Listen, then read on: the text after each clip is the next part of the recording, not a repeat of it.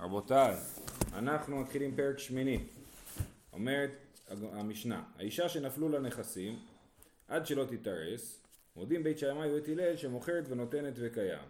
כן, אז אישה לא מאורסת, רווקה, נפלו לה נכסים. איך נפלו לה נכסים? הדרך הקלאסית זה ירושה, כן? או לחלופין שהיא בוגרת והיא עובדת ויש לה כסף, בכל אופן יש לה נכסים, כן?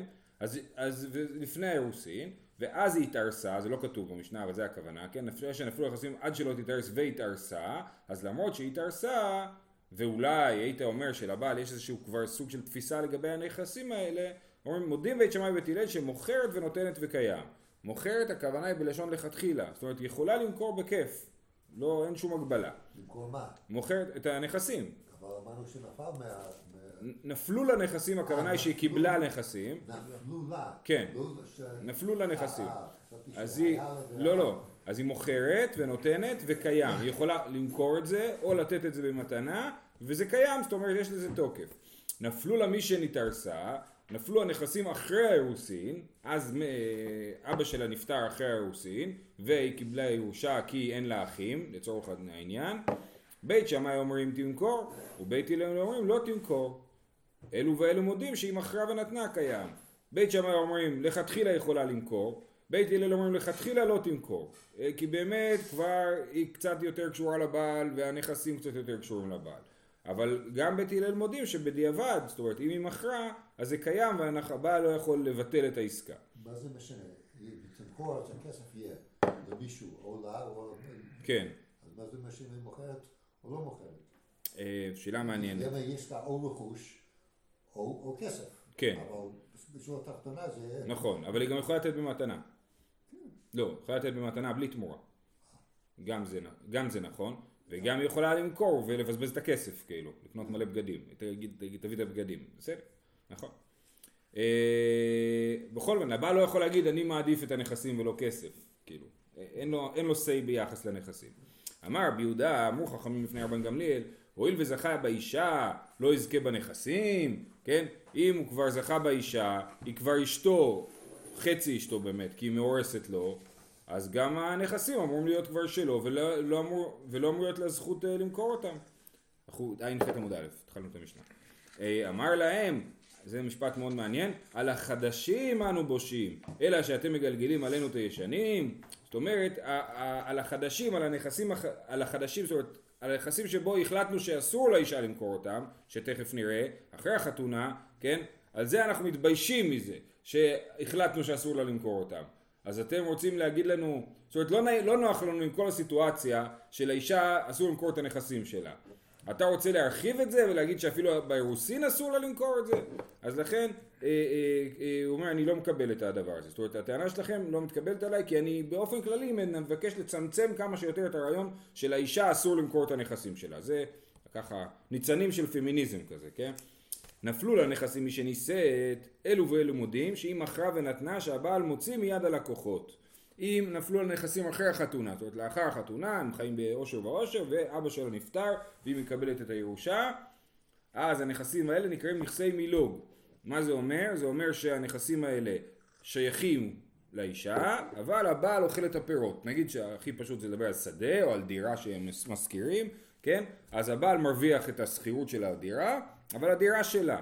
אז אם היא קיבלה דירה שאבא שלה נפטר, אז אם היא מוכרת אותה, הבעל מוציא מיד הלקוחות. אה, אה, זאת אומרת, הבעל מבטל את המכירה הזאת. עד שלא נישאת ונישאת, מה קורה אם, אם נפלו לה נכסים לפני החתונה, או באירוסין, או לפני האירוסין, והיא לא עשתה עם זה כלום, ורק אחרי החתונה היא, רצ... היא, היא מוכרת את זה. רבן גמליאל אומר, אם מכרה ונתנה קיים, כן? למרות שהיא כבר נשואה, כיוון שהנכסים האלה היו נכסים שלה לפני החתונה, אז היא יכול, אם, אם היא מכרה ונתנה קיים, זאת אומרת היא לא יכולה למכור את זה לכתחילה, אבל אם היא מוכרת, אז זה קיים. הקניין, אה, אה, זאת אומרת הבעל לא יכול לבטל את הקניין הזה. אמר רבי חנינא בן עקביא, אמרו לפני רבן גמליאל, הואיל וזכה באישה לא יזכה בנכסים, איך זה יכול להיות שאשתו הנשואה לו, ואם היא מכרה את זה המכר קיים? אמר להם, על החדשים אנו בושים, אלא שאתם מגלגלים אלינו את הישנים, כן? זאת אומרת, אותו תשובה כמו מקודם, בהמשך בגמרא נראה שזה מחלוקת, כאילו, על מה הוא אמר את התשובה הזאת. אז הוא אומר, אני מתבייש מזה שאישה שנשואה שנפלו לה נכסים לא יכולה למכור אותם. אז אתה רוצה להגיד לי שאם נפלו לה נכסים לפני הנישואין, גם כן היא לא תוכל למכור אותם? לא, היא יכולה למכור אותם. רבי שמעון חולק בין נכסים לנכסים. יש נכסים שהיא יכולה למכור ויש נכסים שלא. נכס... למה למה אם אין גירושין או החלטה קודמת לא משנים אותו? זו שאלה טובה. אבל, אבל אה, או שאנחנו נגיד שזה... יש לנו כלל שבית דין לא יכול לשנות דברי בית דין חברו, כן? זאת אומרת, הגדול ממנו בחוכמה במניין, אלא אם כן גדול ממנו בחוכמה במניין. לא לא? זה לא מנהג, זו תקנה. תקנה בעיקרון לא משתנה, יש דוגמאות לכמה תקנות שכן השתנו, אבל בגדול תקנות אמור, אמורות לא להשתנות. אה, אה, ולכן הוא אומר, אם בית דין הקודם החליטו את הדבר הזה, אנחנו גם ראינו שפה יש את בית הלל ובית שמאי שמעורבים בסיפור, כן? אז זו תקנה קדומה, אני לא יכול להגיד שאני, שאני מבטל אותה, אני יכול להגיד שאני לא אוהב אותה ואני מצמצם אותה. אה, גם אחרי זה קורים עוד דברים כאלה. אה, אה, רבי שמעון חולק בין נכסים לנכסים, נכסים הידועים לבעל לא תמכור, ואם מכרה ונתנה בטל, שאינן ידועים לבעל לא תמכור, ואם מכרה ונתנה קיים. אז לכאורה מה הכוונה ידועים לבעל? הכוונה היא שהבעל יודע עליהם, כן? אה, אה, אבל בגמרא נראה אולי יש לזה עוד פירוש. אז רבי שמעון אומר, אם הבעל יודע על נכסים, אז היא לא יכולה למכור. אבל אם הבעל אפילו לא יודע על נכסים, שתמכור מה הוא בכלל לא יודע מזה. לא מעניין אותו. אה, זהו, זאת המשנה. בסדר? אז לסיכום, אישה שהיא מאורסת, יכולה, שוב, אם היא, אם היא, אם היא לא מאורסת היא יכולה למכור לכתחילה, גם אחרי ש... אם היא נפלו לה נכסים לפני האירוסין, יכולה למכור את הנכסים לאחר האירוסין לכתחילה. אם היא, אם היא לאחר האירוסין נפלו לה נכסים, אז לכתחילה לא תמכור. אם מכרה ונתנה קיים, לפי רבן גמליאל המקרה היחיד שבו היא מכרה ונתנה הבעל מוציא מיד הלקוחות, זה אם נפלו לה נכסים אחרי החתונה, והיא מכרה אותם והיא מכרה אותם, אז הבעל אומר לא, זה שלי. כל הנכסים שנופלים לאישה במהלך הנישואים, לבעל יש את הזכות ליהנות מפירותיהם, כן? והפירות האלה שלו, אז היא לא יכולה למכור אותם.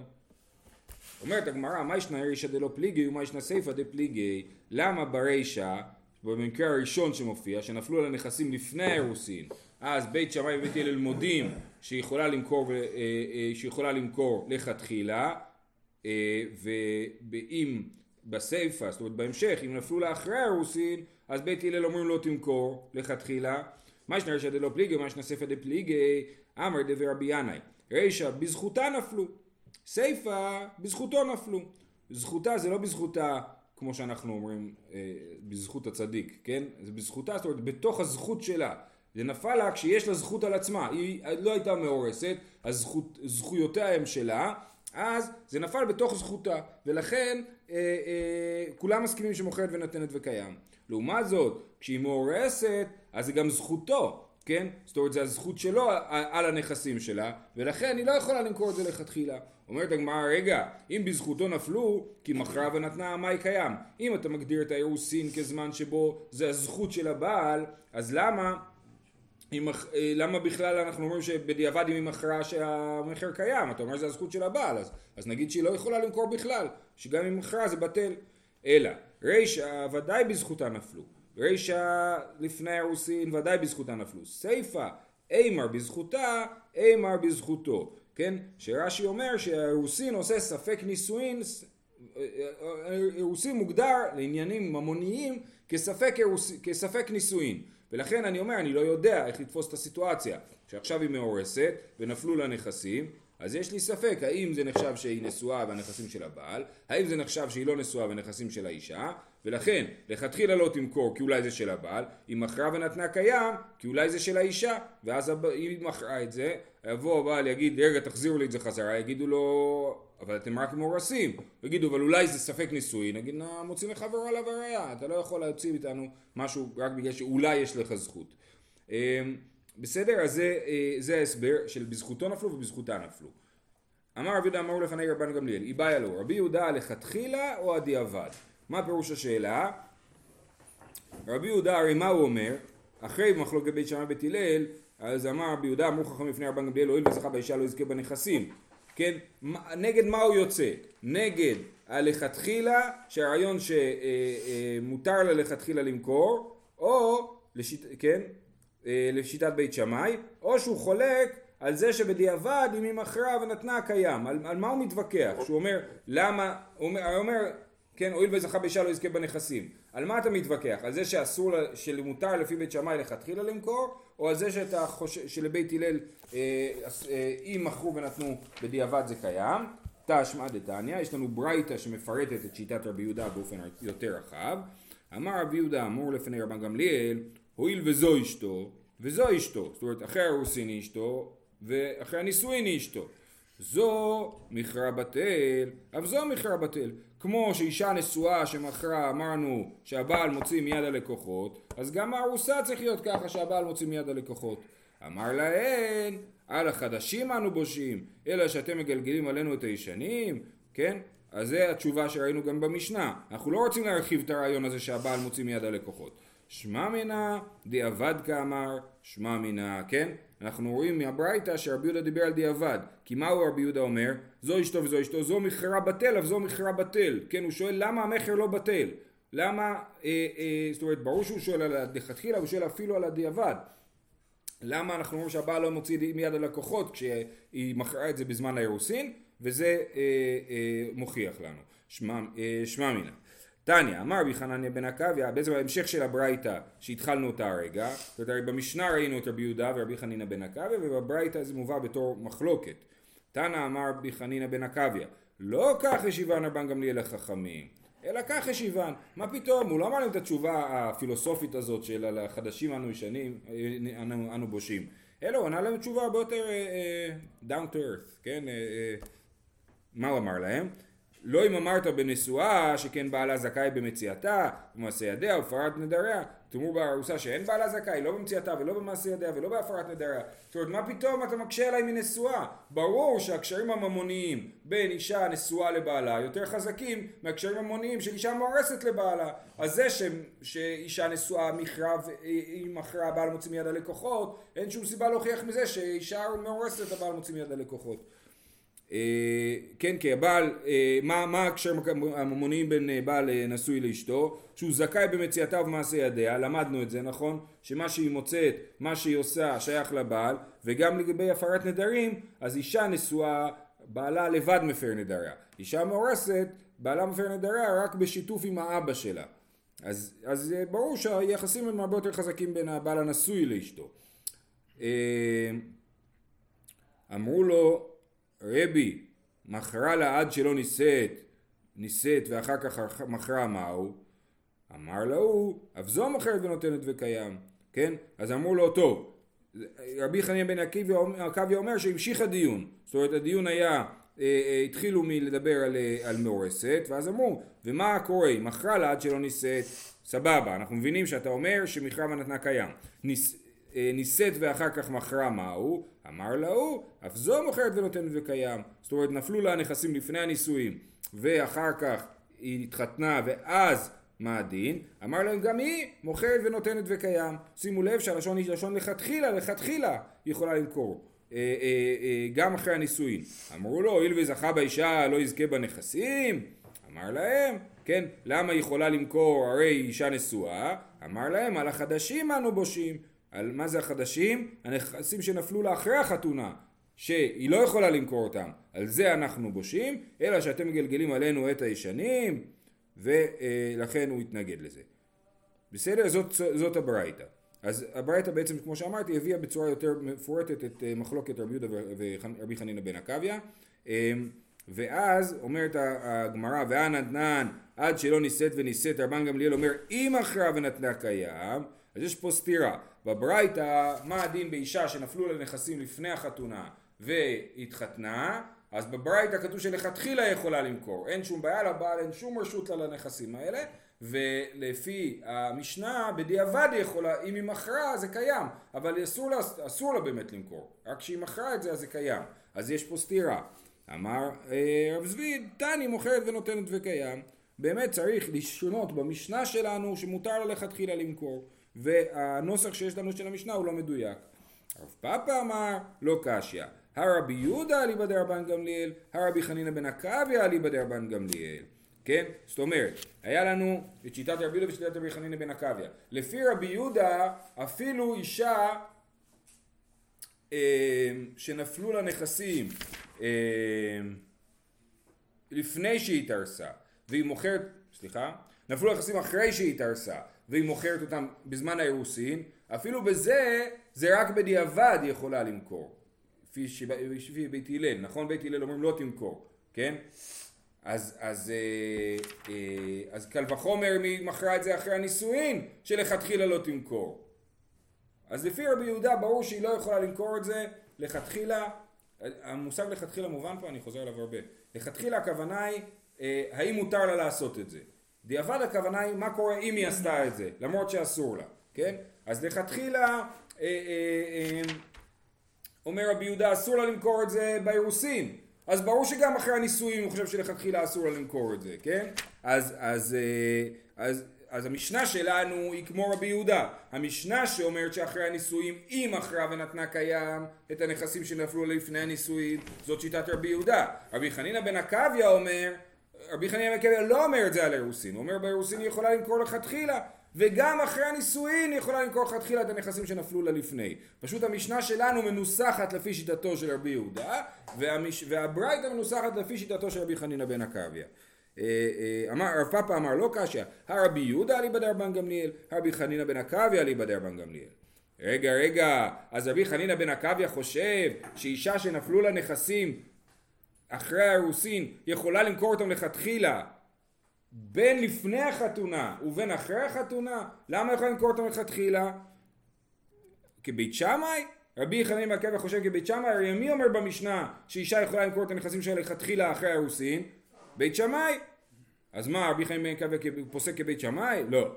אחי כאמר, לא נחלקו בית שמאי ובית הלל על הדבר הזה. רבי חנין בן עקביה חולק על המסורת שיש בזה מחלוקת בית שמאי ובית הלל. הוא אומר פתאום, בית הלל פה ובית שמאי מסכימים שיכולה למכור לכתחילה. מדובר שוב על נכסים שנפלו לה אחרי האירוסין ושהיא יכולה למכור אותם מלכתחילה אפילו אחרי החתונה.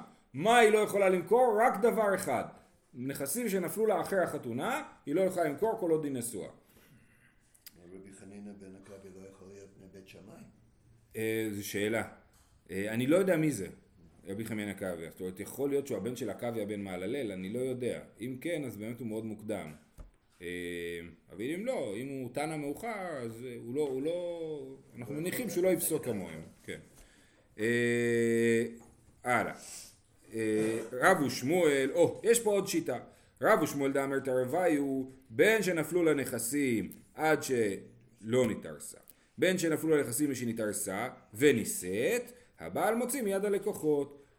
אז, אז בית, רב ושמואל אומרים שיטה שלישית, שאפילו הנכסים שנפלו לה לפני החתונה, אפילו נפלו לה לפני האירוסין, והיא מכרה אותם אחרי החתונה, אז הבעל מוציא מיד הלקוחות. בדיוק כמו שרבן גמליאל אמר על זה שהוא מתבייש. כן, הרי לפי רבי חנינא בן עקביה שאלו את רבן גמליאל למה אם היא מכרה הבעל מוציא מיד הלקוחות, אה, למה, למה לא נגיד שהבעל מוציא מיד הלקוחות? הוא אמר להם על החדשים אנו בושים ואתם מגלגלים עלינו את הישנים.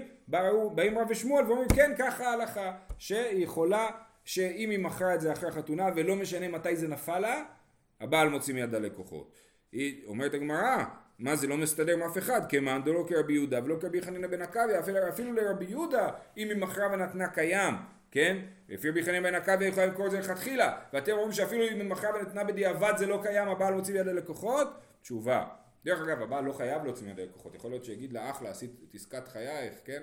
הכל בסדר, כן? רק הנקודה שיש לו את הזכות להוציא מיד הלקוחות. אינו דאמרי כרבותינו דתניא, אז רב ושמואל האמוראים הם אמרו כרבותינו, דתניא רבותינו חזרו ונמנו, מה זה חזרו ונמנו? מה זה נמנו? נמנו זה אומר שעשו הצבעה וספרו את האצבעות, כן? אז הם עשו הצבעה מחודשת, ומה הם אמרו? בין שנפלו לה עד שלא תתארס, ובין מי שנפלו לה מי שנתארסה ונישאת, הבעל מוציא מיד הלקוחות. אז אני אסכם, יש לנו שלוש שיטות בדין של נכסים שנפלו לה לפני החתונה, מה היא יכולה לעשות איתם אחרי החתונה. לפי רבי יהודה, אסור להם, סליחה, נתחיל מרבי חנינא בן עקביה. לפי רבי חנינא בן עקביה יכולה למכור אותם לכתחילה.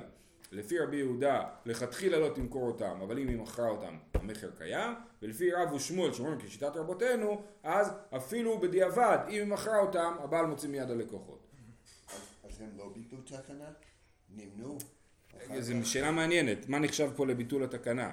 הם, אה, לכאורה התקנה הייתה רק החומרה ולא הקולה. התקנה הייתה שבחתונה הבעל מוציא יד, מיד הלקוחות. זאת אומרת הדבר הטבעי לכאורה הוא ה basic כאילו ברירת המחדל, כן? היא שלאישה יש זכות למכור את הנכסים שלה, באו ותיקנו שהיא מכרה את זה אחרי. ש... שאחרי החתונה, נפלים, נכסים שנפלו אחרי החתונה והיא מכרה אותם, הבעל מוציא מיד הלקוחות, ובאו ועשו עוד תקנה שאפילו מה שנפל לפני החתונה, היא מכרה אותם אחרי החתונה, הבעל מוציא מיד הלקוחות. ככה אני, אני, אני חושב שצריך להבין את זה. הוסיפו על התקנה, כן. אה, הלאה. מי שנישאת אלו ואלו מודים, לי מתנינא לתקנת אושה. דאמר ביוסי ברבי חנינא, באושה התקינו, האישה שמכרה בנכסי מילוג, בחיי בעלה ומתה, הבעל מוציא מיד הלקוחות. כן, אז למה קוראים לזה, אמרנו שמדובר על נכסי מילוג, מה זה נכסי מילוג? מה זה המושג הזה מילוג? למלוג, הפועל למלוג זה להוריד, אתה יודע מי הוא, מה זה למלוג? למלוג, למלוג. להוציא את הנוצות של התרנגולים. לא, לא למלוק, לא למלוק, למלוג, עם גימל. ללגום, ללגום. אז להוציא את ה... להוריד לתרנגול את הנוצות. אז נכסי מילוג הם כמו תרנגול שמורידים לו את הנוצות. כי אמרנו הבעל לוקח את הפירות והאישה לוקחת את ה... הבית שייך לאישה והבעל מרוויח את השכירות החודשית כל חודש הם מזכירים את הבית, כן? אז הוא מולג את, ה... את הנכסים, כאילו, לוקח את כל הפירות של הנכסים. לכן קוראים לזה נכסי מילוג. עכשיו, אז אנחנו מדברים פה על נכסי מילוג, כתוב שבאושה התקינו, האישה שמכרה בנכסי מילוג בחיי בעלה ומתה אפילו אחרי מותה, הבעל מוציא מיד הלקוחות. אז זה בדיוק, תקנת אושה זה בדיוק המשנה שלנו שאומרת שאחרי הנישואין הבעל מוציא מיד הלקוחות אז האם זה זה כאילו, האם תקנת אושה היא מה שמדברים עליו במשנה? אומרת הגמרא לא, יש פה שתי שלבים. הם מוציאים מהם את הפירות או את ה... לא, לא. הבעל מוציא מיד הלקוחות את גוף הקרקע, כי היא מתה. היא מתה, הבעל שלה יורש אותה. אז היא מכרה נכסי מילוג, לא היה לה זכות לזה, הוא יכל להוציא מיד הלקוחות גם לפני מותה, וגם אחרי, ואחרי מותה הגוף הקרקע שייך לו אמ, כי הוא יורש את אשתו. דאמר ביוסף ברכנה בושה התקינה אישה שמכרה בנכסי מילוג בחיי בעלה ומתה הבעל מוציא מיד הלקוחות תשובה מתניתין בחייה ולפירות תקנת אושה בגופה של קרקע ולאחר מיתה זאת אומרת המשנה רק תיקנה שאם היא מכרה את זה הבעל מוציא מיד הלקוחות את מה? את הפירות זאת אומרת הוא אומר לך יש זכות על הקרן אבל לי יש זכות על הפירות אז אני ממשיך את הזכות שלי על הפירות. וב, ו, ו, אבל לפי תקנת, לפני תקנת אושה, אחרי שהיא הייתה מתה, אז, אז הבעל לא היה יורש אותה, כי אומרים רגע היא מכרה את זה כבר, והיה לה זכות למכור את זה, אז היא מכרה את זה כבר, אז הנכסים הולכים למי שקנה את הנכסים, ולא לבעל שיורש אותה. באושה התקינו שאין לה, לה בכלל זכות למכור את זה, אפילו לא לעניין הירושה, והבעל יירש אותה. ממה תקנו את הפירות לבעל? אה, פדיון שבויים. את ה... כן, הבעל מקבל את הפירות של נכסי מילוג, תמורת זה הוא מחויב לפדות אותה במקרה ש... של אה, שבי, אם אני זוכר נכון. אה, הלאה. רבי שמעון חולק בנכסים, אמרנו שרבי שמעון חולק בנכסים ידועים לנכסים לא ידועים, אלו הן ידועים ואלו הן שאינן ידועים. אמר רבי יוסי ברבי חנינא, ידועים מקרקעי, שאינן ידועים מיטלטלין. כן? מה זה בעלים ידועים לבעל? זה קרקעות, ומטלטלין, שהיא מכרה מטלטלין, זה בעלים נכסים שלא ידועים, ואמרנו שלפי רבי שמעון, הנכסים שלא ידועים לבעל, אז הבעל לא מוציא מיד לקוחות, היא מכרה ונתנה קיים. אז לכאורה רבי יוסף ורבי חנינא מבין את המושג ידועים כידועים בעולם של הבעל.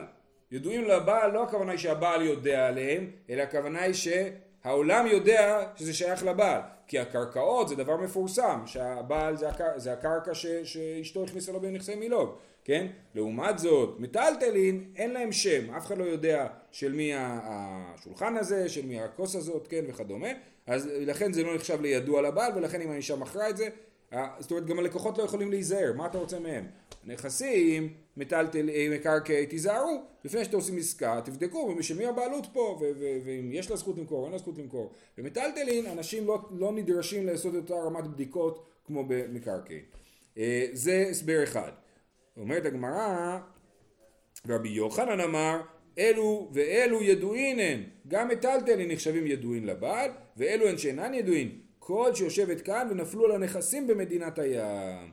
ואני מבין שלפי רבי יוחנן הכוונה היא שכן היא יורשת את ה... לאבא שלה יש נכסים בפולין והיא יורשת את הנכסים האלה וזה לא ידוע לבעל יכול להיות במובן הזה שהבעל לא יודע על זה בכלל. זה במדינת הים נפלו לה נכסים היא קיבלה על זה דיווח לא סיפרה לבעלה זה לא ידוע לבעלה ולכן היא יכולה למכור את זה.